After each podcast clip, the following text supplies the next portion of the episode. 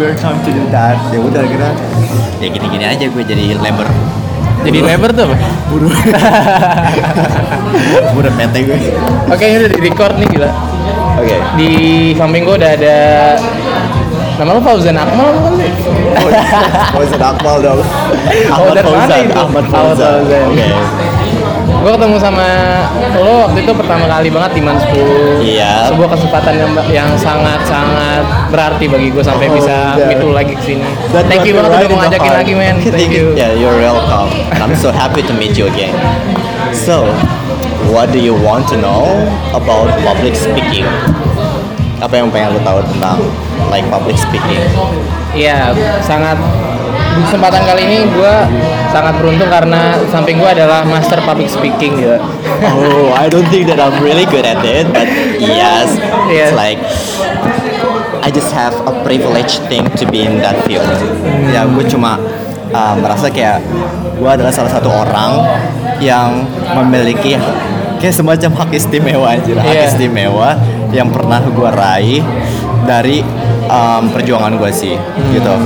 Nah, menurut gue, um, firstly, if you want to be a good public speaker in front of a lot of people, kalau misalnya lo kepengen jadi public speaker di Iya. depan banyak orang, ya pertama lo harus pastiin you are knowledgeable enough or at least you are matter loaded lu tuh udah kayak di otak lu tuh udah ada konten nih kayak Iya, misalnya ilmunya, iya. ya Iya. lu pengen ngomong ini gitu Ah, kan ah. dan and then you can structure it kayak lu bisa strukturin gitu Ah, kayak apa yang lu pengen ngomong gitu. Ah. And firstly, don't forget to apa to put some words or rhymes or quotes Ah. or something that can boom your opening. Di- Ya itu, itu sih.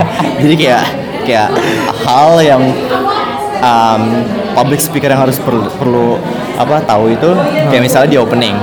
Um, you have to find something that can boom your your speech at first. Kayak misalnya kayak apa you can put some rhymes or quotes.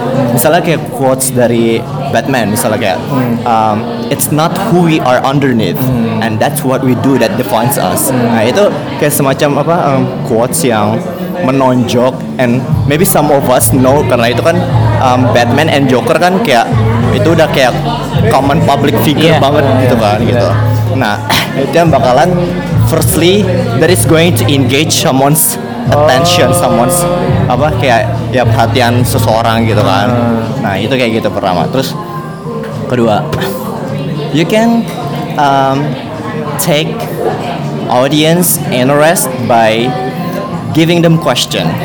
Kayak misalnya lu bisa ngasih pertanyaan kepada mereka. Kayak contohnya gini, um, is there anyone of you here who knows Ant-Man?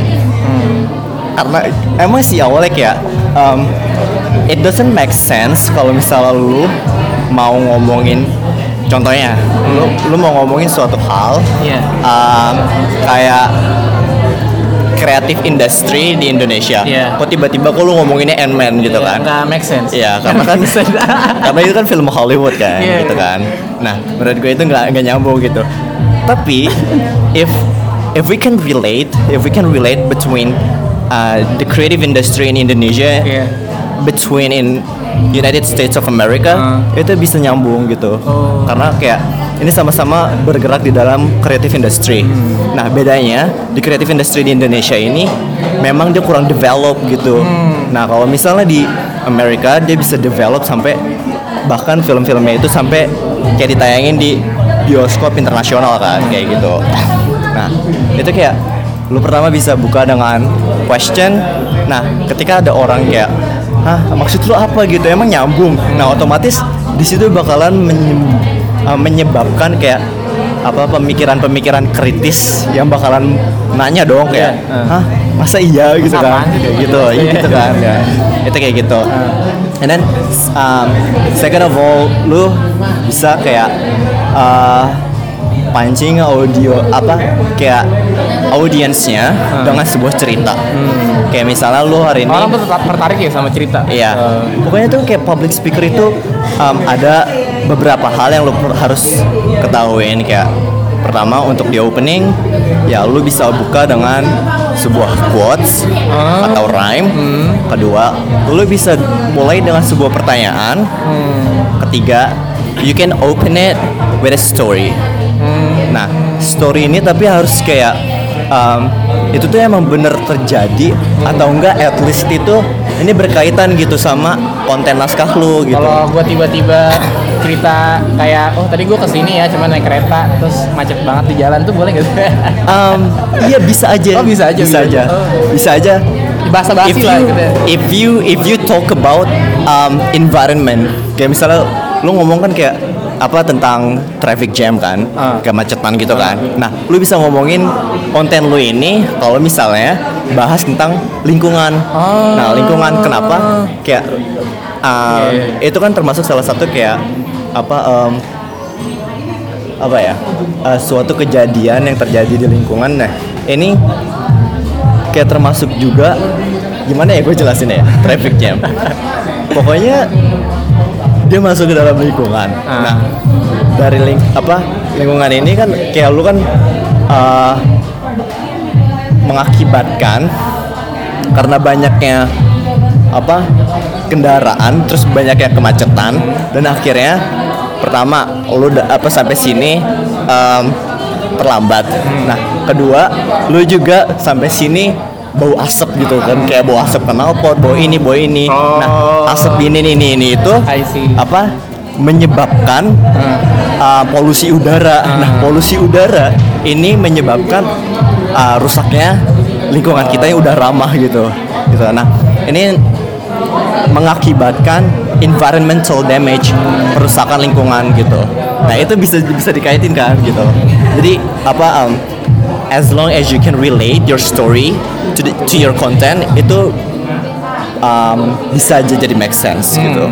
Berarti lu cuma narik-narik itu aja udah ya? Iya, gitu. Hmm. Pokoknya itu um, in public speaking, we have to try to boost our critical thinking. Kita tuh harus berusaha untuk uh, meningkatkan pemikiran kita yang kritis-kritis gitu. Kalau menurut lu dalam public speaking ya, Ah, itu sangat dibutuhkan banget nggak sih kalau misalkan orang kan kadang-kadang ikut public speaking kan kadang-kadang nggak nggak tahu basicnya ya. belum ya Inggrisnya Inggris Inggris kampung lah ya ngomong biasa aja lah ada ada kemungkinan buat menang nggak kalau dia ikut lomba Okay. Actually, I have met a lot of people like that. kayak um, it actually depends on themselves sih. Misalnya gini, um, mereka bisa aja menang eh, in case kalau misalnya mereka dibuatin naskahnya sama gurunya gitu. Atau kan kalau misalnya mereka kalau misalnya mereka dibuatin naskahnya sama gurunya automatically mereka cuma tinggal memorize atau ngafalin Iya, doang kan benar. kayak gitu. nah tapi ada juga orang yang um, she or he might not good in English tapi um, mereka ini berusaha untuk kayak try to build their script speech gitu. Mereka tuh berusaha untuk kayak buat naskah speech sendiri gitu kan. Even though their grammars, pronunciation are not as good as others gitu. Tapi apa mereka ini akhirnya bisa why firstly mereka ini latihan secara atau tidak no secara apa sih namanya sangat-sangat keras. Intens ya inten- Nah, apa tuh intens gue intens jadi kayak mereka tuh latihan terus-terusan gitu. Oh Nah, konsisten konsisten. Ya bisa dibilang Iya, gitu konsisten, sih iya. gitu. Nah itu mereka ini latihan secara intens pertama kayak gitu. Kedua meskipun mereka ini apa um, pronunciation or Englishnya mereka kurang bagus. Iya, nah apa karena mereka udah ngafalin terus mereka tahu kayak misalnya penempatan apa emphasize Iya. kayak emphasize itu kayak apa sih oh penekanan kayak penekanan penekanan se- nada. penekanan setiap nada where you have to speak uh, loud where you have to speak down or you have to tone down your voice ketika lu harus apa membesarkan suara lu di setiap bagian yang di mana memang itu sebuah keharusan untuk kita melakukan atau di mana kita harus me- apa merendahkan suara kita untuk semacam kayak kita menghargai suatu apa um, jasa. Misalnya kayak kita menghargai orang Indonesian heroine kayak misalnya kita menghargai ja- apa ja- jasa-jasa para pahlawan wanita di Indonesia di sebuah speech kita itu kita bisa tone down our voice ki- kita bisa merendahkan suara kita gitu. Jadi emphasize or emphasizing our voice kayak penekanan apa suara kita. Nah itu berpengaruh juga gitu dengan kita menang atau enggaknya. Nah terus juga tergantung dari konten kita. Jadi menurut gua um, if you want to win a competition like speech contest or debating cha- championship nah menurut gua lo harus banyakin research. Research evidence atau bukti. Nah evidence itu atau bukti ya? Nah terus kalau misalnya um, if you don't have any evidence or data about your content. Nah lu bisa uh, apa kaitkan dengan cerita yang terjadi di kehidupan lo itu sebuah data atau kebu- apa bukti juga gitu yang bisa lo tunjukkan ke judges kayak gitu menurut gue itu kayak gitu. Nah terus juga um, jangan lupa kayak setiap lu ngomong bukti ya yang paling kuat sih lu menyebutkan angka Angka, kenapa angka? karena itu sebuah um, Oh maksudnya angka uh, angka jumlahnya? iya misalnya Oh. misalnya kayak gini um, according to the New York Times uh, Oh. 62% Uh. 62% nah itu di situ kan kayak apa penekanannya kayak 62% Orang-orang kan. langsung kayak percaya gitu Iya, jadi mereka kayak ya? oh nih orang ini bukan ngomong om- bukan ngomong sembarangan Ya, oh, karena gitu. karena karena nih orang ini ngomong sesuai dengan fakta dari sumber uh, berita New York. Times gitu kan. Nah, dia juga menyebutkan statistiknya berapa gitu kayak 62% gitu. Apa yang terjadi? Nah, itu kayak gitu. Nah, itu that is going to um, strengthen your your speech gitu kan. Itu yang bakalan menguatkan apa uh, speech lu gitu. Terus juga um, menurut gua biar lu bisa menang lu itu bukan cuma um, bahas satu topik tapi uh, dari aw- dari awal sampai akhir sama gitu. Jadi kayak um, lu satu topik nih. Misalnya satu topik bahas um, relocate relocating the capital of Indonesia. Kayak misalnya apa uh, pemindahan ibu kota Indonesia kan. Nah lu bisa uh, pertama lu bahas kenapa sih Oh, ibu kota ya kenapa kenapa sih ibu kota perlu dipindahin gitu kan nah terus ya kan lu sebutin dah tuh alasannya kenapa kenapa kenapa gitu kan Kalau lu nah patahin jadi komedi. Eh, that, that's cool, that's Oh, cool. Keren, keren deh. Ya itu bisa sih, itu bisa. Um, as long as you can, as long as you can relate your joke, your joke between the between the impacts of relocating the capital of Indonesia itself, ya itu bakalan bisa aja gitu. Oh gitu. itu menurut gue bisa. Nah, kayak misalnya gini, um, gue bercanda kayak misalnya apa? Um, is there anyone of you here who knows apa um, jengkol misalnya? Jengkol. Nah, yeah, as we know that in this our flowering country, um, jengkol apa udah udah musnah has winning sting karena apa dia itu udah terkena dari efek pemanasan global atau perubahan iklim atau climate change. Nah, akhirnya ini tuh berdampak pada tumbuhan-tumbuhan gitu. Nah, akhirnya gue sekarang udah gak bisa makan jengkol gitu kan. Nah, ini kenapa alasannya katanya presiden kita pengen memindahkan ibu kota karena firstly pemanasan global yang udah parah di Jakarta. Terus juga apa um, di Jakarta kemacetan di Indonesia di kemacetan di ibu kota udah makin parah gitu kan. Nah, terus sekarang karena pemanasan global ini akhirnya gue udah nggak bisa nikmatin kayak um, misalnya fruit atau sayuran-sayuran vegetable gitu kan. Nah, itu dampaknya kepada manusia-manusia seperti kita gitu kan. Nah, terus lu nomor tiga lu ngomong deh apa um, kenapa eh ya efeknya ini pemindahan ibu kota untuk Palangkaraya ini apa gitu. Nah, karena kalau misalnya apa presiden cuma ngomong untuk menyameratakan ekonomi di Indonesia. Nah, ini efeknya ini bakalan banyak menimbulkan pro dan kontra. Why? Karena Indonesia ini memiliki 34 provinsi. Nah, kalau misalnya dia cuma memindahkan ke Palangkaraya, automatically there will be a lot of provinces or there will be other provinces are gonna be jealous.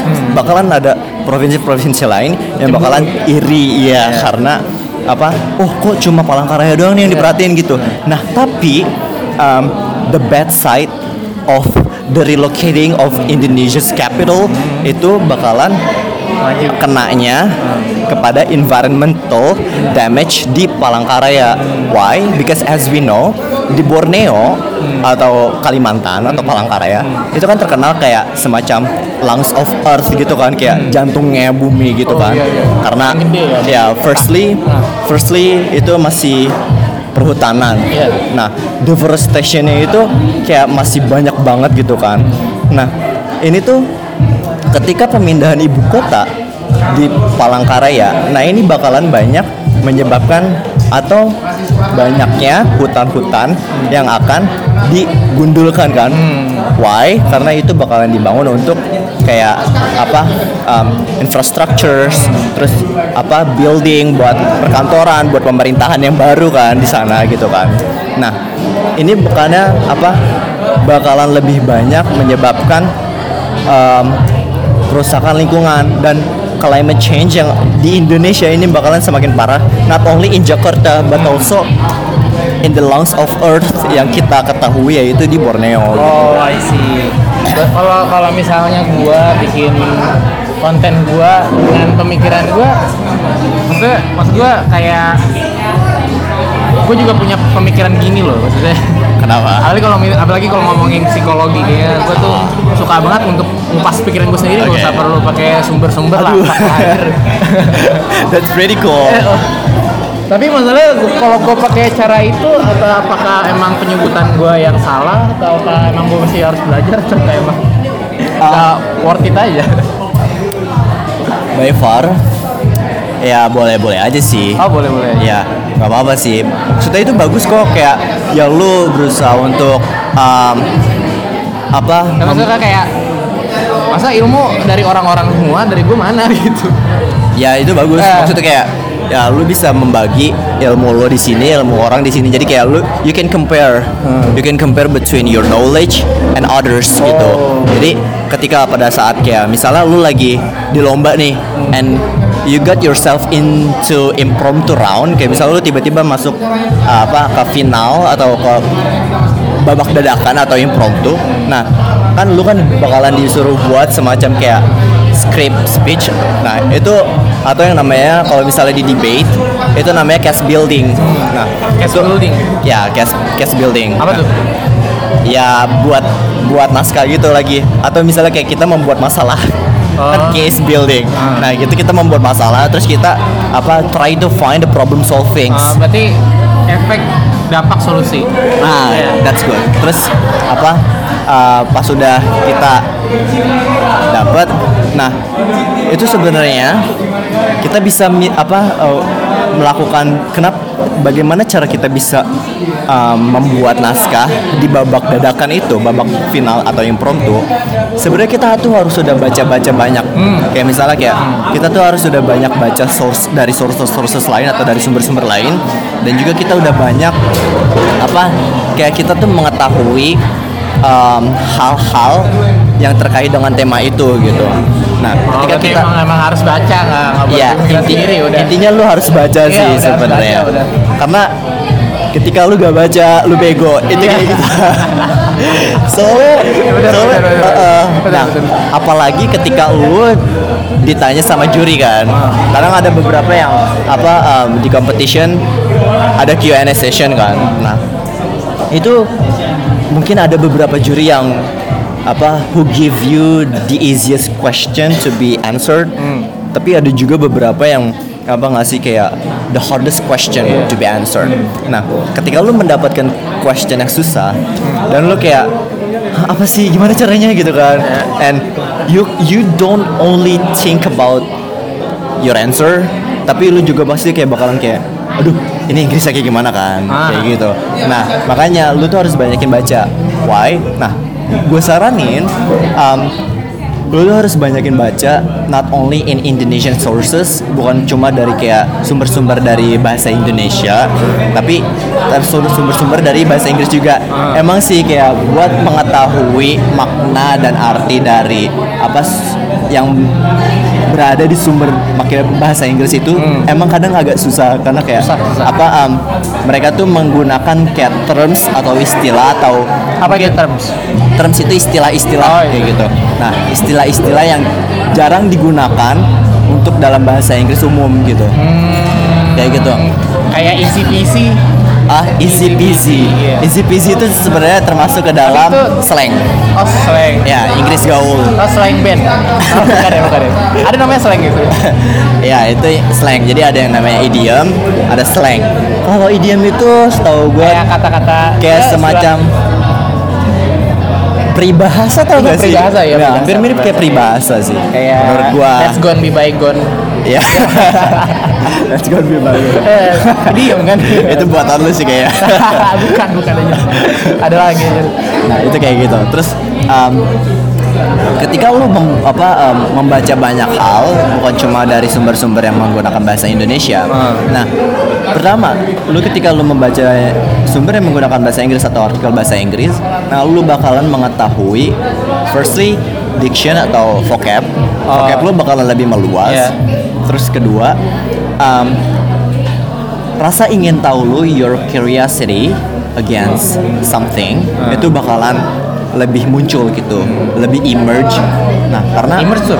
emerge itu muncul Oh, oh. Nah, nah itu bakalan lebih muncul karena lu ngerasa kayak ini menarik gitu untuk dibaca Oh, gitu. menarik banget. iya nah itu menurut gua kayak gitu um, ya by far kayak gitu and then Uh, gua honestly kalau bikin naskah itu selalu yang namanya translate. Gue selalu pakai translate, translate karena bagi gue susah untuk menulis ya dengan keterbatasan keterbatasan vocab yang gue punya gue harus nulis itu kan nggak nggak nggak bisa I see because I think tapi kayak kalau misalkan pakai translate agak-agak ngaco gitu Ya memang. Um, actually, that doesn't only happen to yourself, but that also ha- have had ever happened to my life. Ah. Waktu ketika gue, um, it's like when I was in fifth grade, uh, my siblings. Fifth grade? Yeah, when I was in fifth grade, uh, I know nothing about grammar, so Yeah. so I borrowed my friend's dictionary about Ah. dances and also English novels, Ah. and then every single day. I translated those novels um, and I tried to find something. oh really Yeah, and I tried to find something that that there's that there's no in that dictionary. Kayak misalnya ada beberapa kayak apa uh, di kamus kan ada beberapa kata yang nggak ada kan. Iya, iya. Nah, kayak misalnya salah satu contohnya hubris. Hubris. Hubris. Ya mungkin kalau misalnya lo di adanya di Oxford aja udah deh Iya. ya Oxford aja gue gue gue tahu kata hubris itu dari speechnya Nadiem Makarim gue ya? gue nonton gue nonton apa um, speechnya Nadiem Makarim Ah. di YouTube. Ah, itu firstly kenapa gue bisa nonton itu? Karena gue masih kayak penasaran sih. Like apa apa yang membuat dia deserve pantas menjadi seorang menteri Baru- baru- kan? baru ya, nah iya itu. Nah terus akhirnya kayak gue apa um, cari tuh kayak semua video-videonya gue gua tonton kan nah gue gue lihat kayak mostly he speaks English all the time. Setiap apa seminar or setiap um, wawancara dia semua apa selalu pakai bahasa Inggris. Nah itu gue selalu menemukan kayak kata baru gitu. Karena karena apalagi kan dia ini kan kayak lulusan Harvard kan. Oh. ya dia dia tuh di Harvard itu ambil MBA juga gitu nah Oh berarti udah sesuai sama kultur dia dong. Dibawa ke sini ya sama aja gitu. ya lu tahu Nadiem Makarim kan Tahu, tahu. ya dia orang Indonesia Ya, tapi kalau udah bawa ke sono ya Inggrisnya udah kental di sono bawa ke sini ya iya ngomong tapi Inggris dong. tapi dia juga Indonesia jago Inggris jago Oh, gitu gitu. gimana sih kayak Iya, ya sometimes gue juga jealous sih gitu. karena gue masih menemukan beberapa kata yang masih gue nggak tahu gitu Ah, BTW lu orang mana sih? Um, gua Bekasi asli atau ada campuran Inggris? aduh. Oh, enggak ya, enggak? Ah, gua gua tinggal sih asli ah, dari kecil di Bekasi. Ah. Cuma kalau suku ah, mak gua itu Sunda. Sunda Banten. Ah. Ah, apa sih Rangkas Bitung. Ah. Kalau bokap gue Bengkulu. Wah, Ya itu pertemuan yang jauh sekali. Jauh sekali, jauh. Ya jauh sekali. Mungkin Bengkulu dulu dijajah sama Inggris ya. Jadi kan lancar banget. gitu. Gue juga sih sebenarnya. Eh sebenarnya lu eh, ngeles atau private atau ke les um, apa yang Marina itu? What is that? Oke, um, Ada yang seminar yang cewek itu Marina, tapi ya lupa gue. um. I don't know, but yeah. Um, long short story. Uh, when I was in fifth grade, Fifth grade. uh, kelas 5 SD. Oh. yeah. So, sebenarnya gue tahu, sebenarnya gue tahu. fuck yeah. yeah. My siblings and I had to face our parents' divorce, Oh, yeah? but we had different perspectives in terms of coping the horror. Oh, lu kelas 9 SD udah punya kayak gitu? Yes. Wow. So I was able to survive and didn't let the hardship ruin my life. Dulu gue masih main warnet di kelas 5 SD. gue tuh, aduh, gue kelas 5 SD tuh udah kayak hancur parah sih hidup gue karena Oh. perceraian orang tua gue kan, gitu. Sama nah, kayak gue. oh really? Oh, really? I'm so sorry to know that. Oh, ah, nggak apa-apa. Gue gue seneng kalau harus bahas itu. Uh, Karena yes, ini, kadang um, membuat diri kita ya kayak udah udah banyak lumayan banyak yang wawancarain ya orang-orang broken home terus dia bilang kayak ya biarin aja orang tua gue broken home yang penting gue jadi anak spesial. That's orang-orang cool. eh, orang tuanya satu tapi nggak kayak gue yang orang tuanya tuh nggak, apa hancur. Berarti gue anak spesial dong. Gitu itu lucu banget. Itu. Lucu banget itu terus gue kayak anjing bener juga ya memang sih emang bener sih. Nah itu tapi ada filosofi yang dalam banget di situ. Ya itu itulah kenapa yang menyebabkan gue ini pengen belajar bahasa Inggris. Ya kenapa harus, harus dari orang tua? I don't know, maybe because I think um, those things gave me the emotional things to feel like I don't know because I think I'm a broken I'm a broken hearted boy. Ah. karena dari kasus itu ya udah. Terus um, ya gue akhirnya nyari-nyari itu kayak nyari-nyari apa um, I'm trying I was trying to find something that could channel my emotion that could relieve my grievances gitu kan. Akhirnya ya gue dapet lah gitu kan. Uh, gue dapet apa ide yaitu gue menerjemahkan lagu. Gue pertama kali gue menerjemahkan lagu. Zaman itu belum ada Google ya belum ya udah ada Oh, sebenarnya but on that time I didn't have any kind of digital translators or digital smartphone. Hmm. karena gue waktu itu tuh ya I am just a poor Ah. nah gue kayak gue buat uh, mendapatkan itu semua tuh kayak it's such a huge impossibility for me What the slowly slowly Eh, I don't itu know itu, What kayak mean, man? um, kayak ke- sebuah ketidakmungkinan yang sangat besar Oh. karena gue ini cuma orang miskin. Ah. Nah, gue merasa kayak gitu. kan. Iya, iya, iya. Nah terus akhirnya gue minjem tuh kayak um, I borrowed my French dictionary and then I also borrowed his English novels. Dan itu gue menerjemahkan novel itu kayak tiap hari. Ah. tapi pertama sebelum gue menerjemahkan novel gue menerjemahkan lagu sih. Gue menerjemahkan lagu um, lagu-lagu yang membuat gue bisa bisa bikin sedih gitu. Kayak firstly the first song that I ever translated that was Adele song. Itu gue apa lagu Adele title Someone Like You. I don't know why I Oh iya, itu keren banget dulu. Iya itu ya gue gue suka banget itu kan terus gue kayak um, gue nerjemahin itu tuh kayak awalnya kayak dude I didn't even understand what what it does it mean. Karena apa um, when I try to translate one by one one one word by one word Ah. and I, and I felt like it didn't make sense because apa setiap kata kok kadang nyambung kadang kagak. Tapi mostly itu lebih nggak nyambung sih. Nah ternyata and then after I have after I had analyzed a lot of things terus gue baru tahu kalau misalnya oh ternyata ada grammar ada tenses semacam kayak simple present Itu kelas berapa tuh tahunnya? itu gue kelas 5 SD Anjir. Cuma SD loh. Itu Gua itu. main PS aja serius serius. Terus gue akhirnya um, ya gue nerjemahin pakai menggunakan tenses. Oh iya deh Ah, kata bentuk waktu gitu kan terus? Tapi waktu itu kelas 5 SD lu masih belajar kayak kelas kelas meja table gitu gitu, kan? Iya Ah. di kelas di di SD gua dulu kelas 5 sih sebenarnya nggak ada bahasa Inggris. Hmm, jadi kelas ada. kelas 6 nya baru ada gitu. Nah pas di kelas 6 nya ini gua belajar Inggris juga kayak apa kalau dari materi kelas ya. Menurut gua um, terlalu kekanak-kanakan. Why gue bisa bilang gitu? Why could I say so? Because gua kan ke kelas 5 gua udah belajar gitu kan. Iya. ya gue udah belajar ngertiin. Terus gue udah belajar apa? Um, belajar grammar kan. Yang di mana itu dipelajari di SMP dan di SMA kan. Nah Masa itu gue potong kayak anak-anak kan maksud tuh kayak tiap masuk tuh dia nyanyiin lagu gini If you happy and you know, clap your hands. Maksudnya gitu ya tiap ya Eh gue masih SMA masih dijajan kayak gitu anjir. Eh gila lu. Makanya gue gak sampai ini banget Ini lucu banget sekolah gue that was such a Masih stupid ada sampai sekarang. That was such a stupid method sih buat gue kayak um, apa uh, metode yang Iya. yang Itu kan metode anak TK gitu gitu. kan iya gue emang sih kadang gue nggak setuju sih sama pembelajaran apa uh, teaching method di beberapa sekolah yang tidak apa um, aware terhadap muridnya Nah, iya masalah juga tuh gue bukan mau mengkritisize Nggak apa-apa, nggak apa-apa ini dong, nggak apa-apa dong. tapi ini kan tapi because mau pas perspektif. I because I have my point of view Iya. kalau misalnya apa pendidikan di Indonesia untuk bahasa Inggris sendiri jadi kayak apa um, ya kalau gua udah istilahnya tuh kayak gini ya kalau gua udah gua udah ngajarin ya meskipun lo nggak paham ya udah gua udah kasih tugas ya udah itu udah kelar gitu.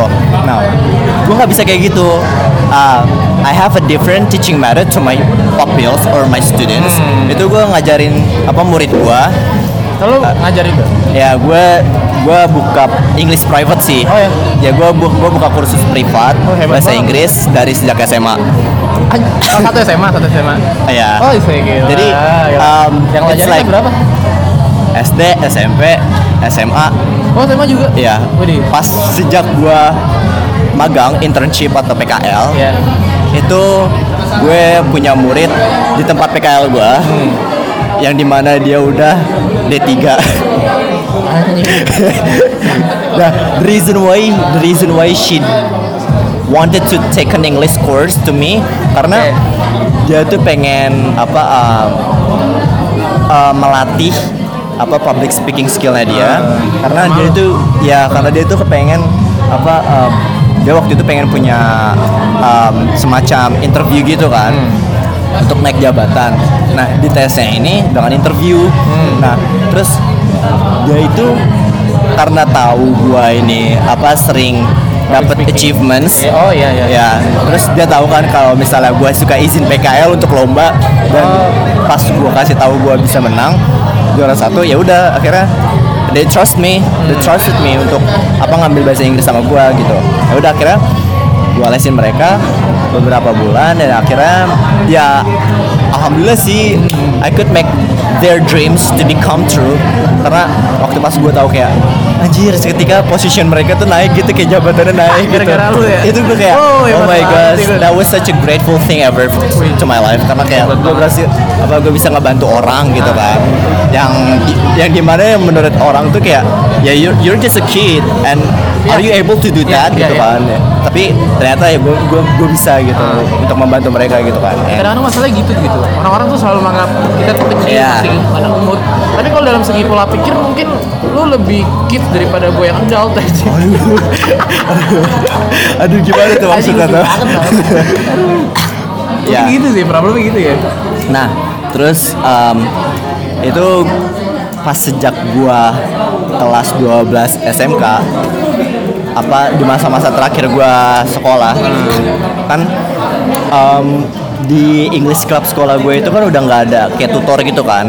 Karena um, tutor yang ngajar sebelumnya dia ini udah fokus untuk lomba apa di kampusnya apa di binus untuk fokus lomba dunia debat dunia debat Inggris Debat dunia? iya nah ya alhamdulillah sih dia ya dia, dia bisa champion juga juara satu ya anjir Di mana tuh?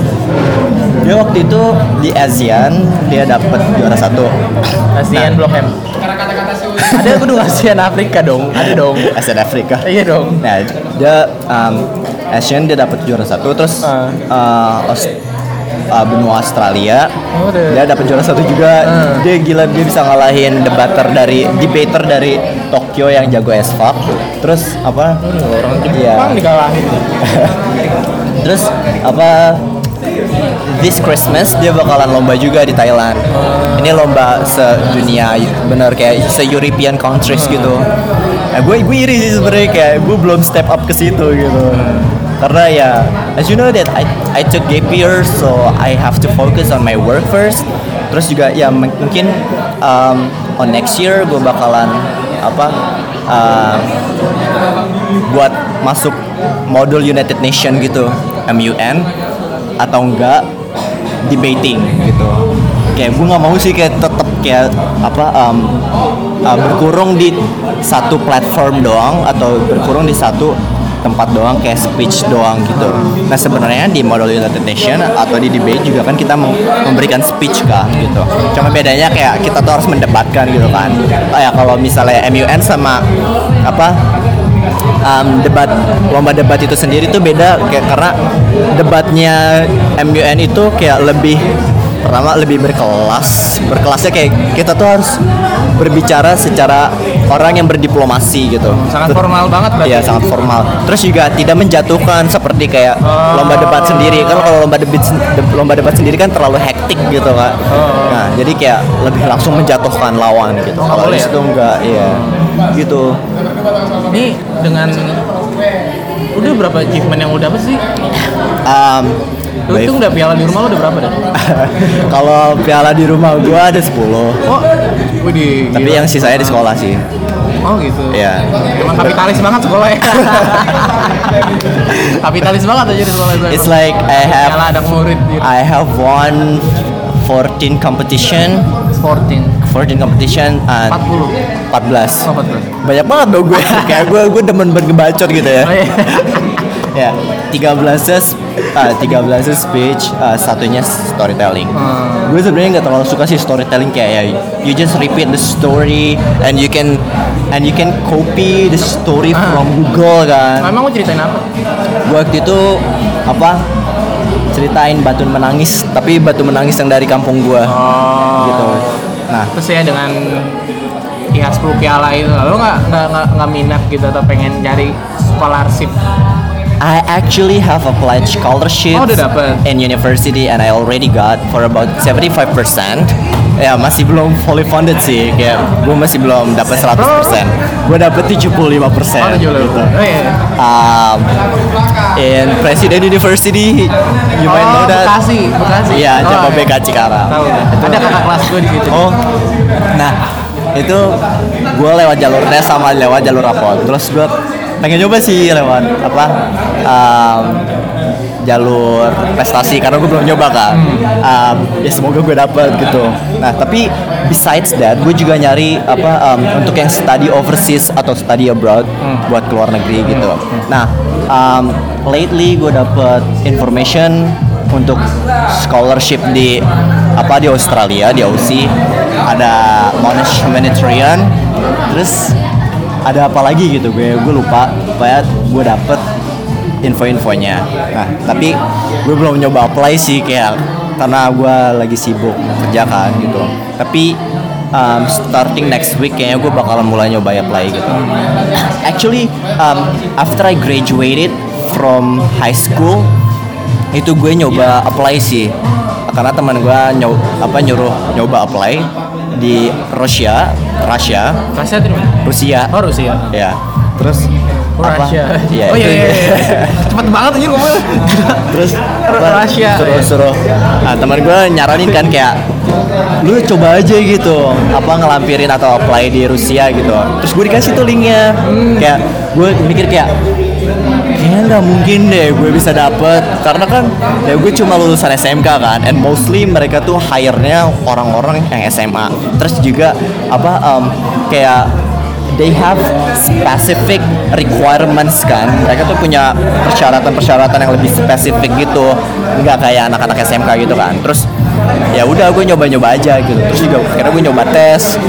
Nah awalnya kayak ma- masih pakai tes bahasa Inggris kan. Terus ya kalau misalnya bahasa Rusianya itu nanti kayak lu bisa apa kan nanti semacam ada tinggal di apa kayak tempat untuk pelatihan gitu di Oh, kayak tempat asrama, pelatihan asrama. ya biar bisa lu bisa ngelatih bahasa Karantina. Rusia gitu karantina gitu ah. nah itu kayak gitu nah terus apa um, the things that I actually already mastered ya gue cuma ya gue cuma udah bisa bahasa Inggris doang sih gue nggak ngerasa kayak gue udah jago banget gitu tapi uh, mostly karena gue udah sering ikut lomba gitu kan jadi kayak um, my English speaking skill udah lebih sering terlatih kan Terlatih. gitu kan gitu nah uh, nah Gue akhirnya kerasa banget tuh lima kali itu seenggaknya walaupun gak pernah ya ngomongan gue masih ya gitu kan Nah. Heeh. nah itu hal yang cuma gue bisa champion di Hmm. tes gue gitu kan terus um, setelah sebulan gue kerja di suatu perusahaan nah gue ini um, baru tuh muncul announcementnya pengumuman hasil tes kuliah scholarship itu kan di Rusia. Iya, Di anyway, Rusia. itu lewat lewat internet gitu kan. Hmm. Terus gue kayak Lu email uh, apa? Apa? Lu email apa gimana? Ah, itu di kayak di umuminnya lewat email gitu sih karena kan kita disuruh masukin email gitu kan. Terus and I was like I actually didn't expect too much karena kayak gue ngerasa ah saingan gue berat-berat gitu kan. Karena mereka ya mereka udah jago terus juga apa and some of them ya udah menguasai bahasa Rusia gitu. Sedangkan gue nggak ngerti apa-apa Rusia gitu kan Tapi tampang lu cocok sama Rusia, men. Serius, men. gue teman gue bilang gue Middle East oh, Middle East. ya tau gak sih Middle East Middle East itu apa ya? Tengah-tengah barat. enggak Timur Tengah sih Oh, ya, Timur Tengah. Oh. katanya Arab ya? katanya teman-teman gue bilang kayak gitu simply because gue punya bewok Iya. katanya gitu sih nah, ya gitu kayak gitu terus Itu keturunan apa emang pakai keturunan sih gue nggak pakai krim atau wak doyok buat Oh. beginian sih terus ya setelah sebulan itu gue dapet uh, pengumuman terus gue kayak takut gak takut gak gitu kan. Tapi gue penasaran gitu. Akhirnya gue uh, gue cek lah gue buka. Terus tanpa diduga gue dapet. Dapat dapat beasiswa di sana. Tapi gue ngomong ke orang tua gue nah itu beasiswa di sana tuh kayak sistemnya kayak ah, itu bukan dari suatu pemerintahan kayak bukan apa scholarship dari pemerintah resmi gitu. Tapi kayak dari suatu institusi swasta yang membiayai gitu. Nah itu gue ini gue ngomong ke orang tua gue terus gue terus gue bilang kayak apa boleh gak aku kuliah di sini? Gitu di Rusia alhamdulillah dapet nih gitu kan. Tapi uh, bokap gue kayak bilang udah sih kan udah dapet kerja di, di tempat perusahaan yang gajinya enak gitu kan. Yeah. yang apa yang di mana apa you can carry the need more than you apa more than it is supposed to be gitu kan kayak apa lebih dari yang seharusnya gitu kan. Iya, iya. lu bisa dapat gaji terus lu bisa memenuhi nafkah buat keluarga kayak gue tuh dari kecil gue ngerasa kayak meskipun gue anak kecil gue ngerasa dewasa why? Karena dari sejak kecil gue udah kerja dari ngajar gitu kan. Ngajar jauh-jauh ngajar private terus apa uh, ngajar di English club gitu. Nah, terus dari situ gue ngerasa kayak gue kan udah otomatis gue udah nyari duit dong buat membantu keluarga. Nah makanya pas gue dapet beasiswa terus orang tua gue bilang kayak gitu terus juga orang tua gue bilang nanti kalau misalnya gue kuliah siapa yang bakalan bantu untuk biayain adik sekolah? Gitu kan. Apalagi apa bokap gue mau retire mau pensiun gitu kan. Ya udah gue kayak because I'm aware of his position right now akhirnya gue akhirnya gue kayak ya udah gue mengalah gitu kan Ah. emang sih kayak buat melepas scholarship di luar negeri itu kayak uh gimana gitu kan gitu soalnya apa um, lu udah apply susah Ah. and that also happen one in million kayak itu lu itu terjadi kayak satu dibanding jutaan orang Ya, gitu kan bener. itu gue kayak ya udah udahlah ya Ya. Gua nomor satu lah. Ah, ah, ya kayak gitu kan. Ya gue hanya mengharapkan berkah ya gitu. ya udah akhirnya ya gue lepas dah tuh. Hmm. terus gue sekarang meskipun gue ah gue dapat beasiswa juga ya gue udah udah dapat beasiswa di pres Presiden. di presiden. Tapi gue masih tetap sih kayak nyari nyari apa um, nyari-nyari yang lebih bagus. yang lain lagi. Kenapa nggak coba di UI apakah emang karena jaraknya yang jauh dari rumah atau apa? Uh, not really, gue suka sih UI and terus juga kayak uh, my likelihood to study abroad itu ada juga ya karena UI itu juga menyalurkan gitu kan buat orang-orang yang pengen apa kuliah di luar negeri gitu. Nah, ya as long as you are smart, terus um, kayak IPK lo bagus, terus ya memenuhi persyaratan ya itu bakalan bisa gitu. Nah, itu gue pengen sih kalau misalnya masuk UI gue pengen international relations gitu. HI nah, gue juga sebenarnya di PU ngambilnya HI sih gitu. Nah banyak sebenarnya orang yang ngo- yang ngomong ke gue and especially my teachers ask me like I why didn't you major? Kalau lu di sekolah ngomong bahasa Inggris juga ya? Uh, campur sih. Oh campur. Ya gue biar bisa ngebiasain aja. Tapi nggak ada yang banyak. Oh, banyak. banyak banyak. Gue tuh it's like I am surrounded by intoxication gua ngerti gua. I'm surrounded by intoxication of corporate society. Itu kayak gue tuh dikelilingin sama orang-orang toxic Iya, iya, iya. yang di mana pemikiran itu masih kolot Ah. masih mikir kayak kita ngomong Inggris itu berarti kita sombong uh, sombong Oh, terus iya. juga apa kayak kita nggak menghargai bahasa kita Iya. bahasa Indonesia kita sendiri Iya. karena Inggris itu udah pernah ngejajah kita sebenarnya gini um, if you don't want to learn English that means you let yourself will be left behind lu ketika lu apa um, tidak mau belajar bahasa Inggris itu berarti lu membiarkan diri lu tertinggal terbel- yang paling belakang gitu. Iya, iya, karena iya. lu nggak mengikuti um, revolusi zaman gitu. Iya benar benar. Karena zaman kan selalu berkembang kan kayak gitu. Nah itu menurut gua gobloknya orang-orang yang nggak berpikir open minded itu kayak gitu. Itu selalu shallow minded terhadap hal-hal yang apa um, pertama itu nggak berkaitan dengan agama terus juga mereka tuh terlalu konservatif terhadap sesuatu gitu. Eh, I see paham paham gua Ya. oh ada yang nyangkutin sampai nyangkut pautin nama agama ada ada. Oh, ada. banyak kayak kayak gini. Gila, ah, men, udah kenapa sih? agama tuh kenapa sih lu nggak belajar bahasa Arab aja gitu? Itu kayak gitu. Banyak kayak gitu tapi gue gue gue ngerasa kayak banget lucu banget sih Iya serius, gue banyak yang kayak gitu, gue banyak kayak gitu kayak, ya ini, oh, ya ini ini kesukaan gue. Iya. I mean like everyone has their own favorite things kan, ya orang udah. punya pilihan masing-masing Ah, ah, gitu kan, ya gue juga ini punya ini pilihan gue gitu, gue bilang. dan kesempatannya juga ngarahin ke sini Iya, gitu kan. ya Nah. ngapain lu Ah, ah. dan juga gini apa, um, if you're if you're good in English or Ah. if you're fluent, Ah. nah your likelihood to have a huge chance in multinational company to be hired in that company itu kayak lebih banyak gitu. Kayak kemungkinan lu bakalan direkrut sama perusahaan-perusahaan multinational company itu lebih banyak. Why? Karena um, their prospect to be answered itu kayak prospek-prospek um, persyaratan mereka itu harus dijawab dengan pakai bahasa Inggris gitu. Bahkan apa gue pernah eh gue kan waktu itu kan sempat interview kerja kan. Nah itu masih SMA iya Oh, iya, jadi lu sebelum pernah sebelum SMK itu ada interview kerja gitu kan terus um, pas gue masih ke sekolah itu nah itu gue masuk kerja gue di interview terus di interviewnya ini karena dia ngelihat CV gue sama apa kayak semacam riwayat hidup gitu kan pakai bahasa Inggris Gua apa semua kayak prestasi gue kan Iya. nah terus juga gue lampirin sertifikat lomba gue akhirnya gue diajak ngomong pakai bahasa Inggris itu nah itu perusahaan besar Iya. oh ya itu actually that's one of the multinational companies in Indonesia. Nah itu itu kayak ya gua kira bisa menjawab apa um, persyaratan Pertanyaan dia. mereka, Oh, iya. pertanyaan mereka gitu kan. Nah menurut gua gini, um, sebenarnya ketika orang ngomong bahasa Inggris itu nggak penting, well gua nggak peduli sih, Iya. gitu. Karena by far English saves my life sejauh ini bahasa Inggris lah yang menolong gua bukan mereka orang-orang toksik yang meracuni gua gitu. Iya, iya, iya. Nah, gue tuh di sekolah sering banget ngomong pakai dua bahasa, Indo Inggris. Ya meskipun ada beberapa yang ngerti, ada yang beberapa orang yang enggak kan.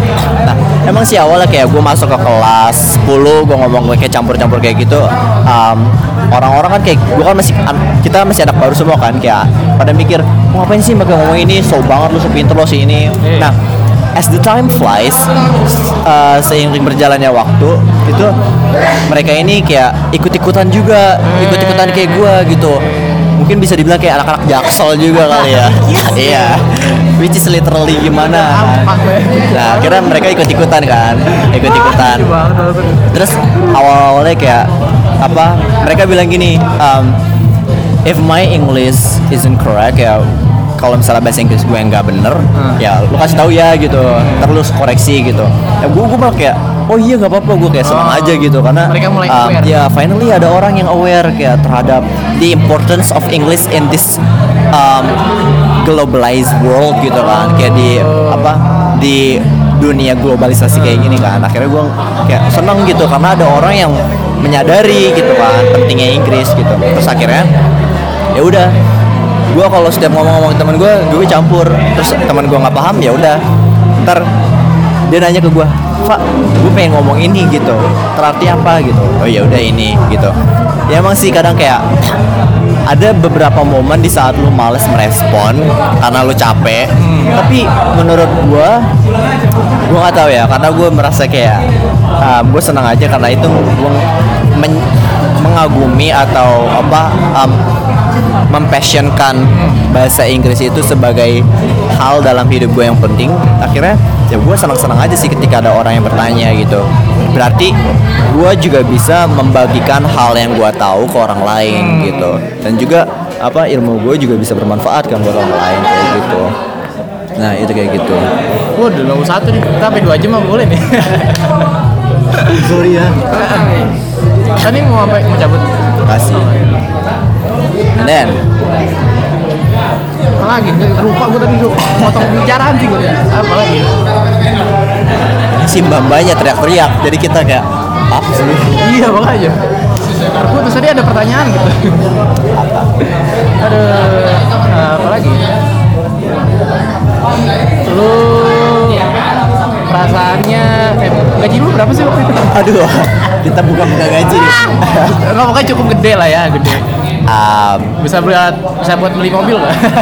ah, bisa aja sih kalau gue nabungin tiap Anjir gue mau bercanda malah bener Gue bisa ya karena gue punya kebutuhan buat bantu keluarga kan. Ya ya udah gue nabung se salah kadarnya doang gitu. Ya as long as gue masih Em, sekarang yang lu sekarang menurut lu kuliah tuh penting gak sih di zaman sekarang? well banyak orang yang nanya kayak gini sih. Iya. Bahkan menurut gue ya kuliah tuh penting sih karena uh, based on my experience in a company kalau misalnya orang kerja cuma pakai kayak semacam lulusan SMA atau SMK nah probability lu buat naik ke jenjang karir yang lebih tinggi itu nggak ada ada tapi susah gitu kayak jarang banget sih ada gitu. Nah kedua um, banyak orang yang bakalan underestimate you kayak ba- banyak yang meremehkan lu karena ya lu cuma gitu-gitu aja gitu. Jadi kayak misalnya gua nih di PT jadi pembuatan jadi operator pembuatan speedometer mobil. Padahal gue gitu-gitu aja gitu. Even though atasan gue tahu kemampuan gue tapi mereka itu melihat dari sisi education gitu. Kayak ya makanya mereka nggak mau apa ya um, untuk have a look deeply atau have a concern about the people who have ability in their company gitu. Jadi ya udah mereka um, bisa hire lagi dan juga kalau misalnya apa lu nggak kuliah lagi itu mencari kerja susah bakalan. Why? Karena um, in this era lu itu tuh uh, maksimal umur 21 Itu tahun untuk SMK? Untuk SMK. Untuk SMK gue tahu banget itu Nah, guru. sedangkan sedangkan sedangkan gini, gue umur 19 tahun sekarang Iya, kan. iya, iya, Nah, tahun depan gue 20. Terus kalau misalnya gue lanjutin kerja selama 2 tahun, terus gue bingung nih, kayak ntar gue ke depannya gimana dong? Iya. Karena gue cuma lulusan SMK, terus gue udah nggak punya duit buat kuliah karena duit apa duit kerja gue udah gue habisin buat ngehedon Hmm. gitu kan. Nah, ya gue bingung mau ngapain. Nah, sedangkan kalau misalnya lu kuliah, banyak hal yang lu bisa dapat di tahun pertama setelah lu lulus. Kayak misalnya gini ya, ya you may take gap year. Lu mungkin kayak lu ngambil gap year kan untuk setahun. Nah, setelah setahun itu um, there is still chance for you to get scholarships as long as you struggle to find it. Kayak misalnya apa masih ada kok banyak kayak scholarship scholarship apa yang ditawarin sama pemerintah atau sama apa um, institusi institusi swasta gitu. Ya selagi lu masih mau mengurusin beasiswanya gitu. Dan sebenarnya kakak ini salah satu sih. Salah satu. Oh, ya Oh, salah satu yang struggle. Karena Dia dapat beasiswa? Dia beasiswa di UIN UIN. Iya. Mana Ciputat? UIN mana Ciputat ya Oh, abang ke Ciputat, Bang. Semester doang. Semester doang. S1 dia Oh, udah lulus. Sekarang S2 dong. iya Nih, Oh, UIN dulu. dia dia juga sama sih kayak apa um, he has been in the same position like me nah itu dia berjuang juga sih sama kayak gua tapi emang perjuangannya lebih mantul sih daripada gua Lu nggak lu nggak berpikiran kayak anjir kuliah tuh buang-buang duit gitu. Kuliah tuh udah Um, kuno. Semua tuh udah ada di Google. Lu nggak berpikiran kayak gitu? iya itu Iya. bisa sih itu bisa itu bisa tapi as I already said Kenapa lu nggak berpikir kayak udah aku mau bikin usaha sendiri? Ah, itu buat beberapa orang yang memiliki bahwa entrepreneurship Oh. itu yang bakalan menyelamatkan hidupnya. Iya, benar benar. Itu itu bakal itu ada beberapa orang kayak gitu dan juga ada beberapa orang yang mikir kayak gue malas kerja lagi. Eh gue malas apa bekerja sama orang, gue malas apa bekerja dalam uh, situasi yang di mana gue merasakan under the pressure. Gue berada di bawah tekanan atasan-atasan. Iya. Ada orang yang emang nggak bisa buat ditekan gitu. Iya gitu itu kayak gitu. Nah terus juga ada apa um, orang yang malas buat belajar lagi gitu kan, atau buat berimprovisasi lagi dalam pendidikannya dia. Itu ada yang kayak gitu. Gitu. Makanya mereka memilih untuk entrepreneurship gitu, karena mereka bisa menentukan hal mereka sendiri. Terus juga mereka bisa menentukan apa um, kapan gue harus mulai kerja, kapan gue harus apa tutup kerja gitu kan, atau tutup warung istilahnya gitu kan. Nah, itu Iya benar gitu. benar benar. Gua gua ngomong kayak tadi tuh karena gua udah mewawancarai orang yang punya mental kayak gitu. Dia bilang kayak, wah ini gue entrepreneurship banget nih gua. Terus terus dia bilang kayak, oh iya kuliah tuh kuno, semua tuh udah dari Google gitu-gitu. Sebenarnya gini. Berarti emang ngaruh. Um, mungkin lu yang sekarang beranggapan kayak gitu, mungkin karena SMK lu udah dididik buat jadi karyawan. Gak juga sih sebenarnya SMK ini di SMK itu dibentuk untuk entrepreneurship Oh iya, sama juga untuk jadi karyawan. lu jurusan apa sih? Gue jurusan otomotif, tapi gue pengen ngambil HI. Gue blok sih jauh banget. ya. Oh. Ya. gitu. Uh, because I'm just into uh, talking about international issues. Dan gue suka aja kayak bahas-bahas international issues kan kayak karena apalagi gue sering uh, lomba terus gue bahas hal-hal yang kayak apa bertentangan gitu kan.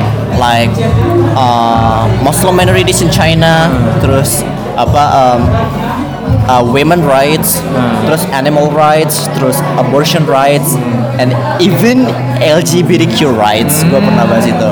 Nah, itu kayak bertentangan banget kan di apa in the eye of the world dan juga apa um, in the eye of the re- religion gitu kan. Kayak bahkan di, di mata agama itu juga salah kan gitu kan. Tapi um, di lomba debat atau di lomba-lomba Inggris itu gue sukanya kayak kita tuh harus lomba itu kok nggak mandang agama? Ya, Iya kan? itu kita tuh harus berpikir berusaha untuk open minded. Iya. Terus juga kita untuk terbuka sama hal-hal yang bertentangan sama Harus kita narrative lawan. ideas iya, gitu. Itu kayak gitu. Nah, terus juga kalau misalnya tadi kan apa katanya lu nggak perlu kuliah kuliah itu kuno. Terus apa and if he said that everything you can find on the internet itu sebenarnya ya emang bisa. Tapi lu mau nyarinya gitu kan. Nah emang sih kita kuliah juga kayak kita harus nyari sumber juga. Kita Cewek juga gua kuliah dia kelas karyawan. And bagi then gua dan dia tuh cerita kayak nggak gua ngeliatnya kayak anjir nih orang kuliah terus sumbernya ya dari internet internet juga si dosen ini cuman datang ya cuman ngasih tugas disuruh dia suruh dia nyari bahan materinya di internet dan then disuruh presentasi di depan dan ya udah eh sebenarnya Ah. sumber dari internet internet juga gitu itu sebenarnya tergantung sih karena setiap dosen setiap guru Iya, iya, iya. memiliki um, metode pengajaran Ya, yang berbeda itu kayak gitu doang sih gitu jadi um, so you cannot um, you cannot make all the institutions or all the universities itu sama gitu. Oh. karena semua semua university memiliki pembelajaran yang berbeda Iya, iya, iya, iya. kayak gitu nah terus juga gini kalau misalnya dia bilang semuanya bisa dicari di Google atau di internet nggak semuanya hal bisa dicari di Google atau di internet sih kadang um, dengan kita kuliah terus kita itu bisa praktek gitu praktek nah terus juga selain kita praktek kita bisa berkunjung Oh, kayak jadi ibarat kan kuliah tuh rangsangan lah ya. Iya, gitu tuh kayak stimulin. semacam. Iya bahasa psikologi simu- simulin aja. Pokoknya- mau jadi kayak gitu.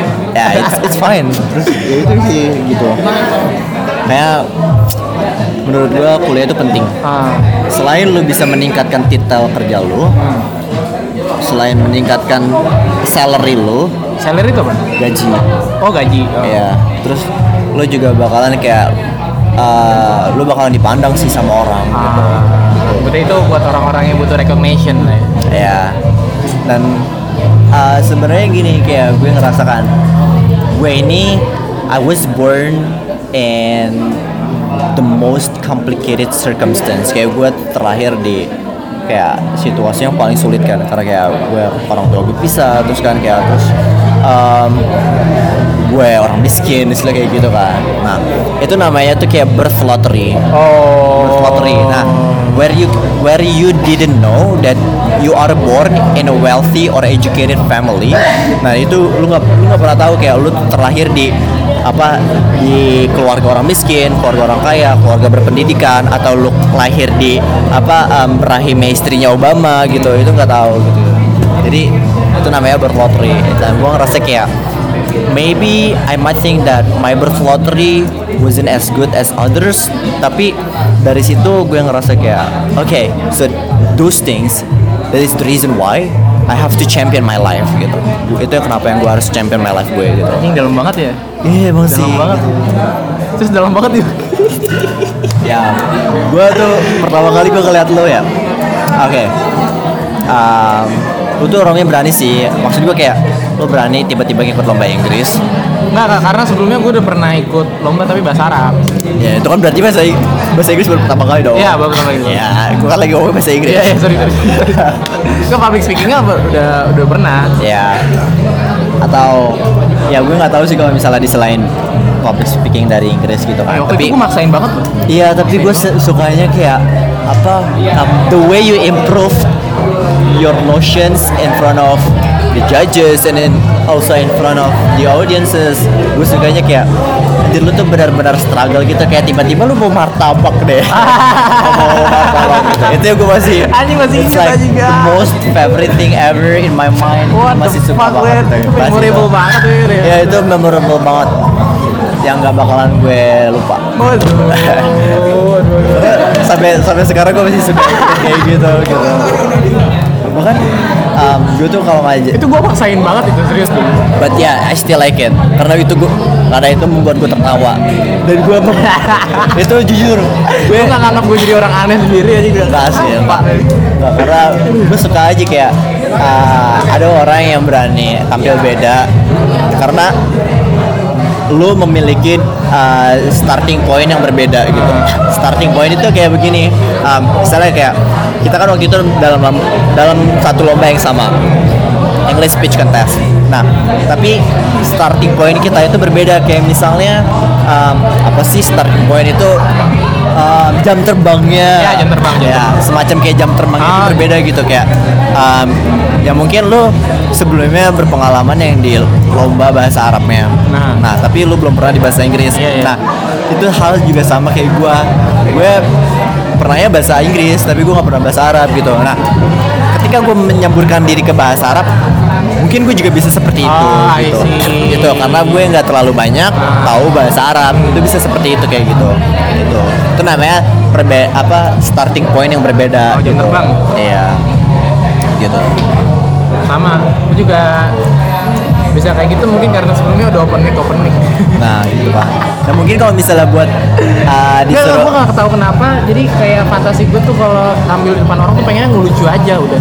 Mungkin karena gue tahu waktu itu gue udah udah pasti kalah nih anjir udah pasti kalah nih. Ya udah gue ngelawak aja lah gitu tuh kadang gini ya um, gue juga pernah ikut lomba di Bogor. Itu it's like that was my first speech competition ever. Uh, gue pertama itu lomba di Bogor.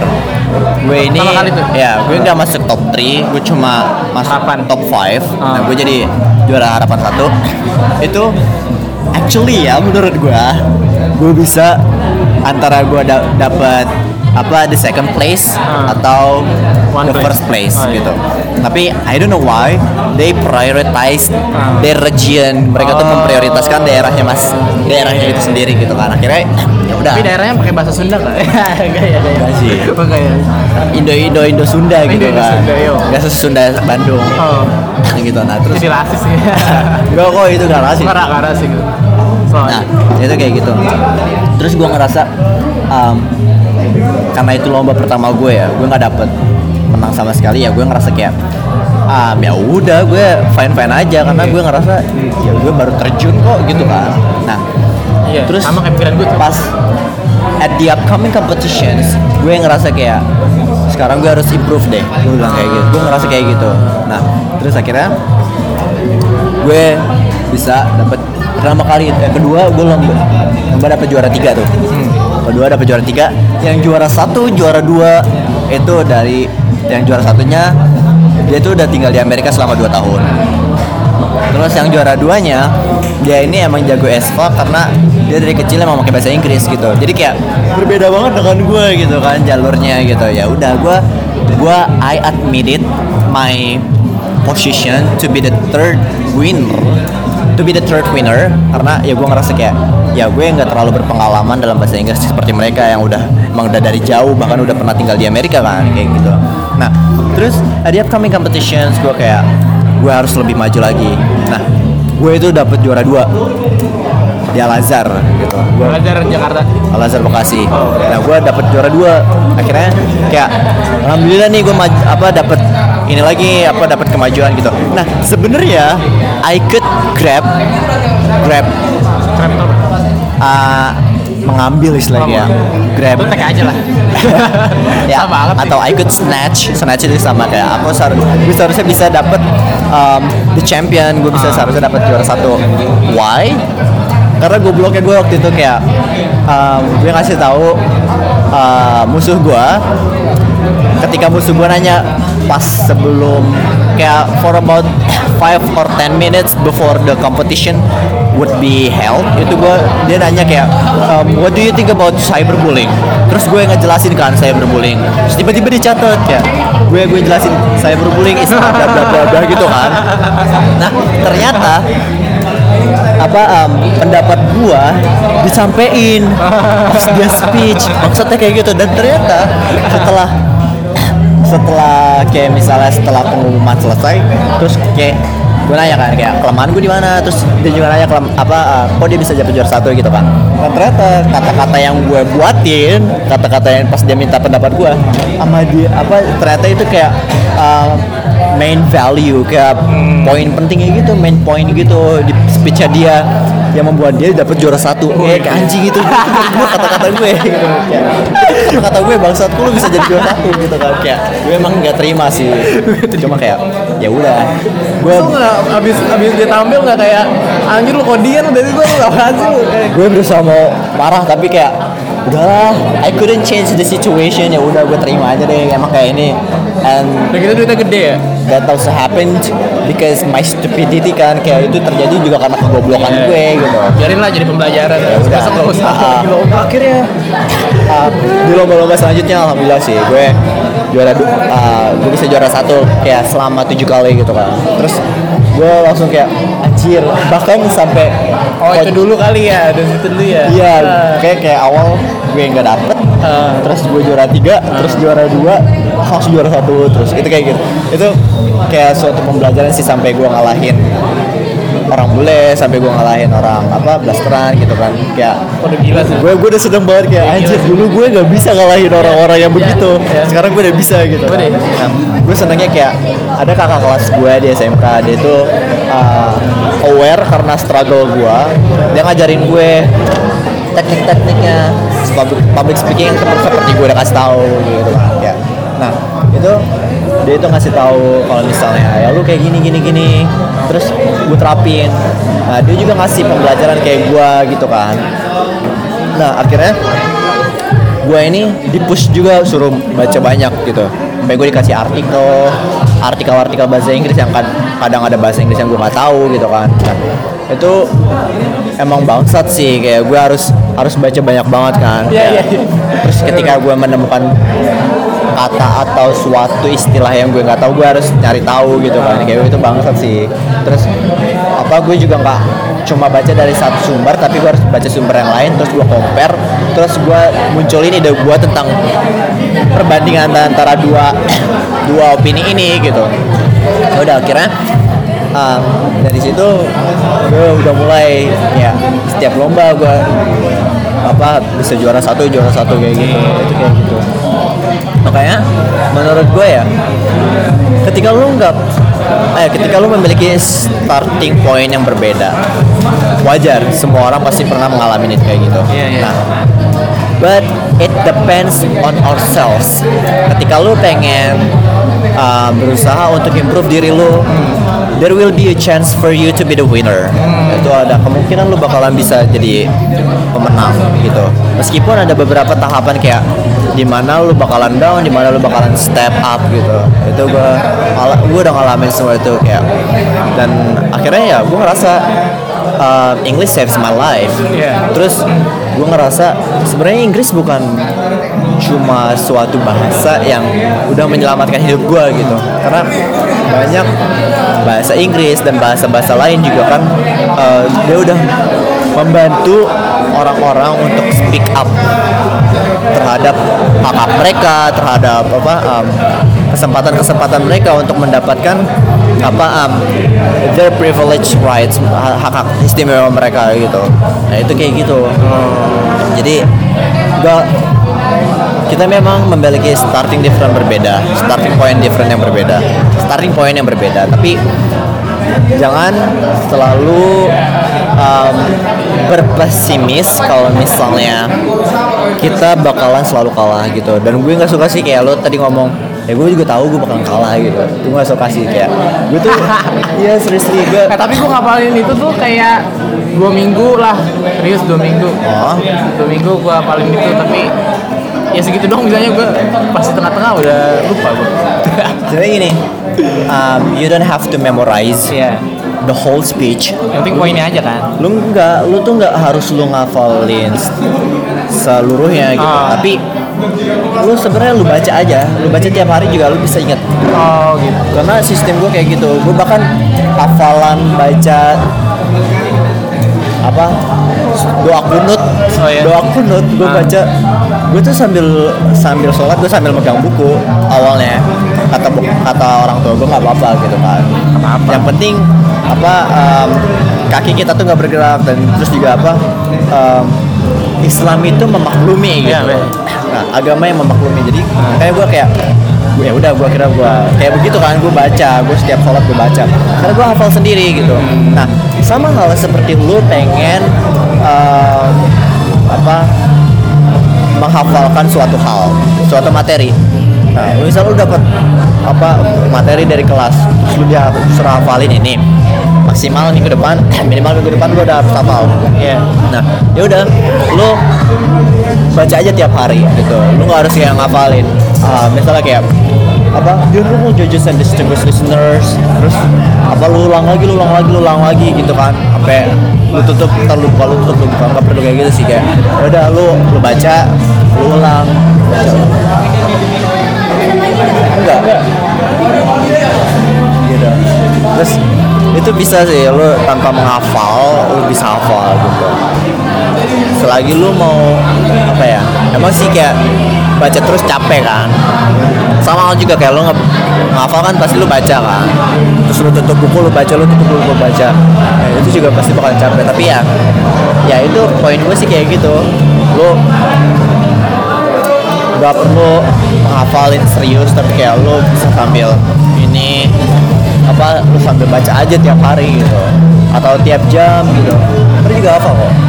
Oke, oke. Kayak pas lu tadi bilang kayak dua minggu and I was like lama banget gitu kan. Karena gue karena gue sendiri aja at best itu gue um, sekitar dua atau tiga hari paling males Dua tiga hari paling ya mantap. paling males jadi kayak gue ngafalin kalau malas-malasan ya gue tiga hari paling hafal gitu kalau misalnya gue ada materi dari kelas atau apa banyak sih kayak sejarah sih gue apa gue udah ngafalin Oke, the last question. oke Pandangan lo menjadi manusia gimana? How to become the real of the human being? how to become the real of human being menurut gue ya um, lo tuh harus menjadi orang yang berguna sih buat society. Karena gini um, human being di dunia itu mengambil alih sebagai stakeholder. Stakeholder itu kayak orang yang berpengaruh dalam lingkungan. Kayak misalnya gini gue um, berada dalam situasi di mana kayak ada perpindahan ibu kota. Misalnya kayak gitu ya perpindahan ibu kota Jakarta tuh. Nah perpindahan ibu kota Indonesia gitu. Nah terus gue ini misalnya jadi kayak pemerintahnya gitu pemerintah perhutanan gitulah semacam kayak gitu kan. Nah ketika ada usulan presiden ingin memindahkan nah gue sebagai stakeholder aware dong Eh. karena kayak gue ntar bakalan banyak yang hutan yang rusak gitu. lingkungan ntar bakal- bakalan makin cepet kiamat. ya gitu kan gitu nah itu kayak gitu jadi kayak lu bisa jadi real human being ketika lu bisa berguna buat orang lain dan buat sekitar lu gitu itu menurut kayak gitu dan oh ya untuk menggapai hal itu semua sih kadang emang kayak um, you have to go to a lot of hardest circumstance atau misalnya kayak lu tuh bakalan ngelewatin apa um, fase-fase di mana kayak lu bakalan banyak dibenci sama orang atau bakalan banyak yang dis- nggak- tidak disukai sama orang karena pilihan lo gitu. Tapi as long as you still think that you are in a good way ya udah just do it gitu. Karena ketika lo ngerasa lo masih ngelakuin hal yang bagus Tuhan juga tahu kok kayak misalnya kayak ya lu bakalan nantinya apa menerima result yang bagus gitu. Itu kayak gitu. Kalau gue sih uh, menjadi orang yang berguna buat keluarga gue buat orang-orang sekitar gue. Ya contohnya kayak misalnya gini gue sekarang kerja kan terus ketika keluarga gue nggak mampu terus kayak ketika kakak gue butuh dana buat sekolah anaknya. Iya. nah nah di saat ini gue merasa karena gue berada di atas gitu kan. Gue memiliki gaji. Gue membantu mereka gitu. Nah itu yang dinamakan the real of human being. Karena gue berhasil membuat suatu pertolongan kepada orang lain secara tulus gitu. Nah, ketika lu pada saat membantu mereka itu juga kayak you have to be uh, sincere kayak lu tuh juga harus tulus gitu dan lu juga harus ikhlas buat apa yang lu lakuin gitu. Karena kayak kita misalnya um, mungkin mikir kayak sayang duit gue gitu kan. Mending gue buat hedon atau gue buat ngilangin stres gue ngeklap atau apalah gitu kan. Tapi ada banyak orang yang masih membutuhkan.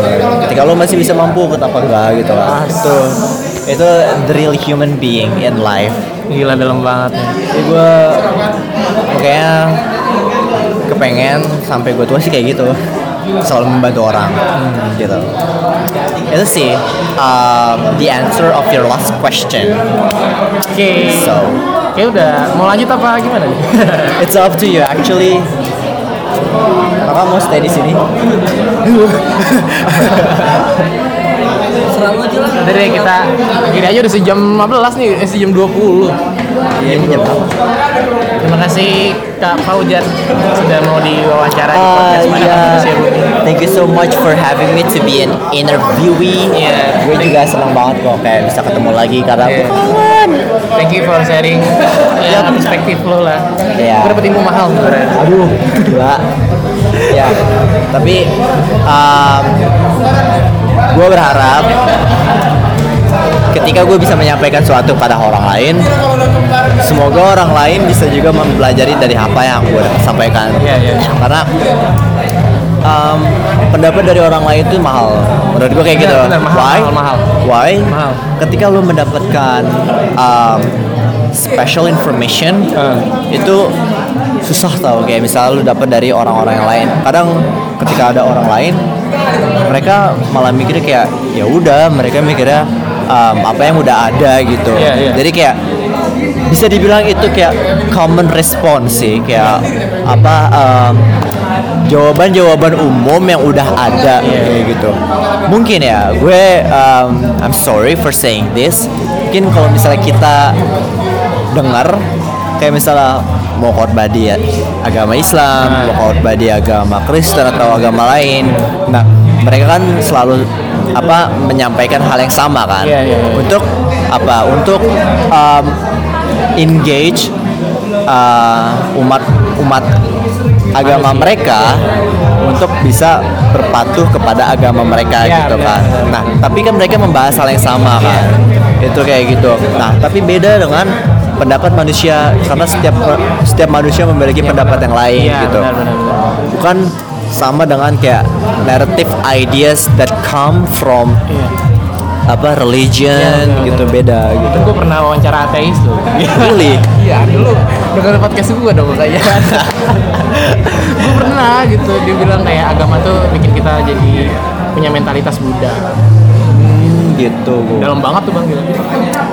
Gue juga punya sih temen kayak gitu tapi ya dia sometimes he try to intoxicate me tapi gue nggak mau Iya. kayak ya gue punya jalan gue sendiri Iya, iya. karena Kalau kayak gitu kan jalan masing-masing aja.